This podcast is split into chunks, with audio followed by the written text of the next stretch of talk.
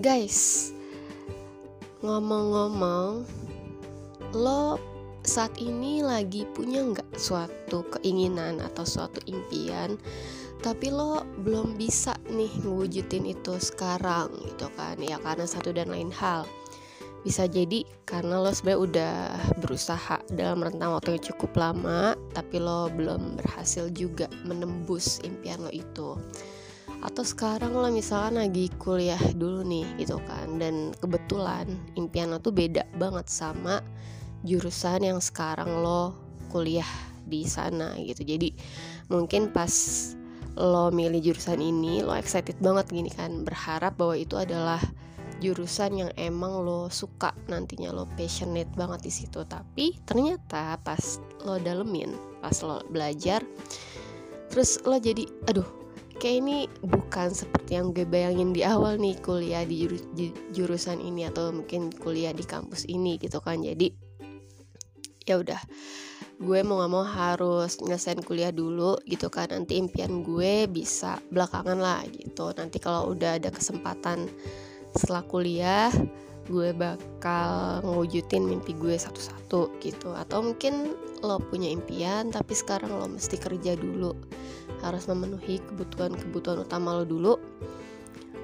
Nah atau mungkin yang terakhir lo udah jadi seorang istri atau seorang ibu rumah tangga yang mana dengan kesibukan di dalamnya dengan semua tanggung jawab semua aktivitas di dalamnya lo belum bisa ngewujudin apa yang menjadi impian lo sedari dulu gitu kan. Nah guys kadang kita ketika kita punya impian itu kita secara nggak sadar ngebatesin diri kita atau kita dibatasi diri kita oleh omongan-omongan orang lain yang bilang aduh lo kalau umur segini tuh harusnya udah mencapai ini lo kayak si dia gitu kan. Atau misalnya lo umur 25 harusnya lo udah punya rumah atau mungkin lo harus udah punya tabungan 100 juta atau mungkin lo harusnya udah nikah gitu di umur segini gitu kan.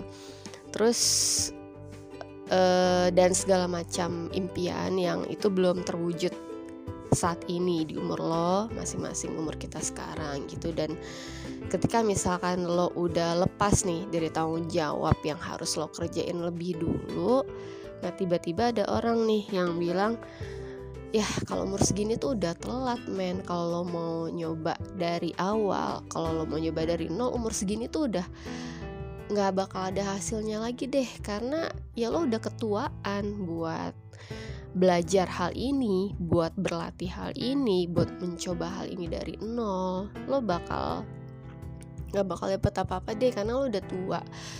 Eh eh eh, kalau misalnya lo dengerin perkataan-perkataan kayak gitu, lo tutup kuping, lo alihin pembicaraannya atau lo pergi dari situ. Bilang e, oke okay, makasih buat sarannya.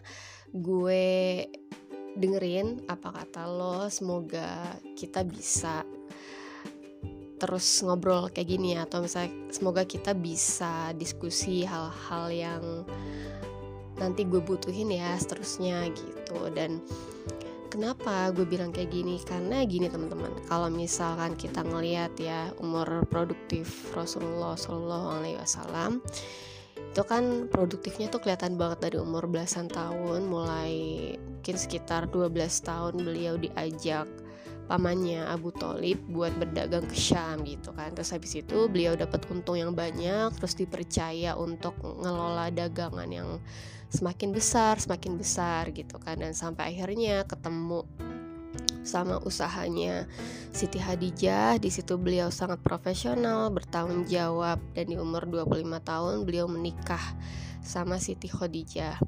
Dan terus gitu kan kehidupan beliau menanjak satu persatu. Dan sadar atau enggak hmm, kita ingat atau enggak itu sebenarnya umur produktif Rasulullah tuh ya bukan di umur belasan tahun doang, bukan di umur 25 tahun doang, tapi di seluruh hidupnya itu produktif, ya kan?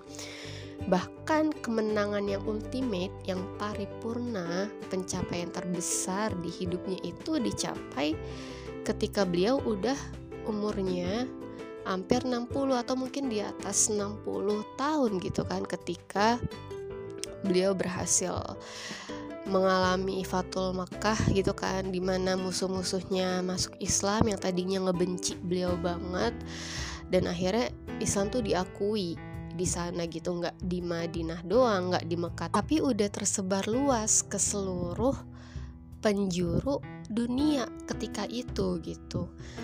Dan itu sungguh pencapaian yang nggak terduga banget ya teman-teman. Pencapaian yang mungkin beliau udah bayangkan, gue yakin beliau udah membayangkan itu di dalam mimpi-mimpinya. Beliau berserta para sahabat cuma beliau mencapainya itu di umur bukan di umur belasan tahun, bukan di umur 25, justru pencapaian terbesarnya ya.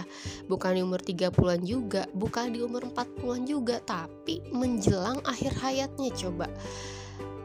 Ya di situ kita bisa belajar. Kalau mimpi itu tuh nggak ada kata lo udah telat lo udah ketuaan buat belajar hal ini buat berusaha hal ini atau lo udah telat banget nih buat mulai bisnis ini. Enggak justru dari contoh hidup dan perjalanannya Rasulullah dari mulai lahir sampai beliau wafat itu beliau menunjukkan bahwa ya mimpi itu nggak bisa dibatasin usia. Kalau misalnya lo emang mau lo emang bisa berdedikasi untuk itu ya kerjain aja selama lo hidup selama lo bernafas selama lo dikasih kesempatan untuk berjalan untuk berusaha di muka bumi ini gitu. Dan gak peduli hasilnya itu mau diraih kapan yang penting lo sepanjang hidup lo berusaha mencapai takdir yang terbaik lo itu gitu. Dan kadang kita suka lupa gitu. Cuma ngiranya Rasulullah tuh berjaya pas muda doang gitu kan. Padahal beliau diangkat jadi nabi jadi rasul aja tuh umur berapa? Umur 40 tahun kan. Dan di situ mulai fase-fase transisi beliau gitu yang tadinya mungkin nggak kenal agama Islam ini secara langsung jadinya berubah bahkan hijrahnya itu di umur 40 tahun kan. Hijrah secara keimanan secara keagamaan.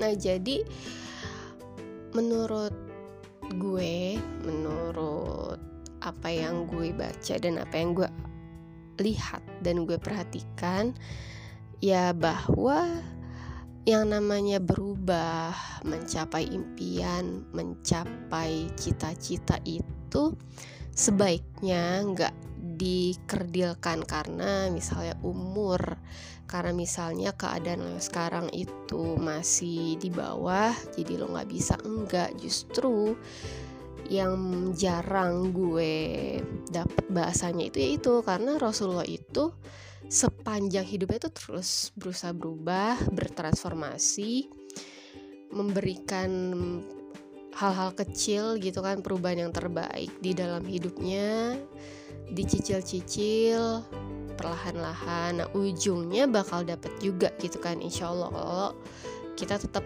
optimis gitu. Jadi pesan gue atau mungkin apa ya hikmah buat podcast kali ini adalah jangan dengerin orang lain yang ngebatasin umur lo untuk mencapai impian. Terus belajar meskipun ada yang tertunda itu nggak apa-apa karena ya bagian dari kehidupan wajar lah ya kalau ada yang tertunda beberapa tahun karena lo mesti ngerjain ini itu dulu mesti memenuhi memenuhi kebutuhan ini dan itu dulu itu nggak apa-apa yang penting jangan sampai harapan lo yang sebenarnya itu pupus impian lo yang sebenarnya itu putus karena lo ngedengerin apa kata orang lain yang dia sebenarnya juga nggak tahu persis apa impian dan passion passion lo yang sesungguhnya yang ada di hidup lo.